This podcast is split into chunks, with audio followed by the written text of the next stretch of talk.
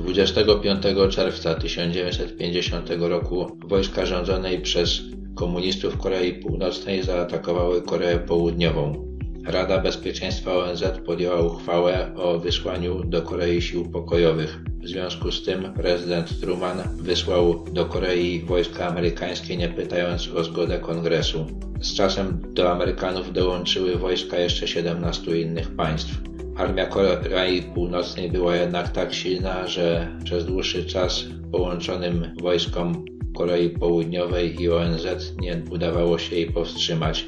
We wrześniu 1950 roku komuniści panowali już nad całym Półwyspem Koreańskim z wyjątkiem niewielkiego obszaru wokół miejscowości Pusan na wybrzeżu morza. Wtedy nastąpił desant amerykański pod miejscowością Incheon, który odwrócił losy wojny. Do końca października prawie cały Półwysep Koreański znalazł się pod kontrolą wojsk ONZ.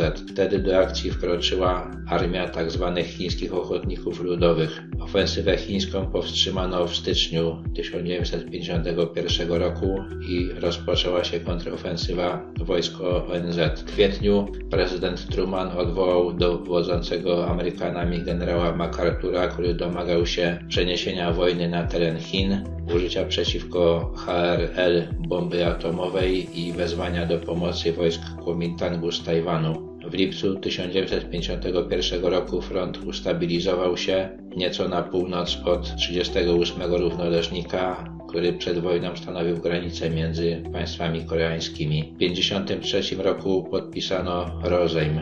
Zginęło w wojnie koreańskiej przynajmniej 1,5 miliona żołnierzy, ofiar cywilnych musiało być znacznie więcej. Do końca istnienia bloku sowieckiego twierdzono w nim, że wojnę zaczęła Korea Południowa.